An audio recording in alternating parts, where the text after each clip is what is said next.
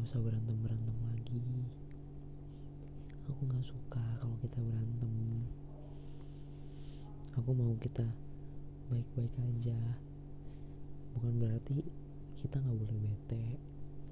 Pastilah kita boleh bete.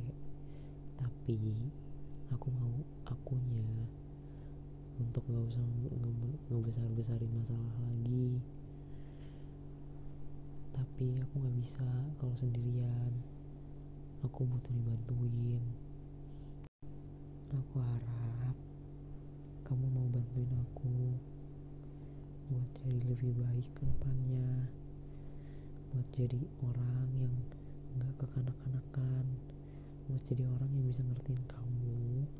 Apalagi kalau kamu lagi bete.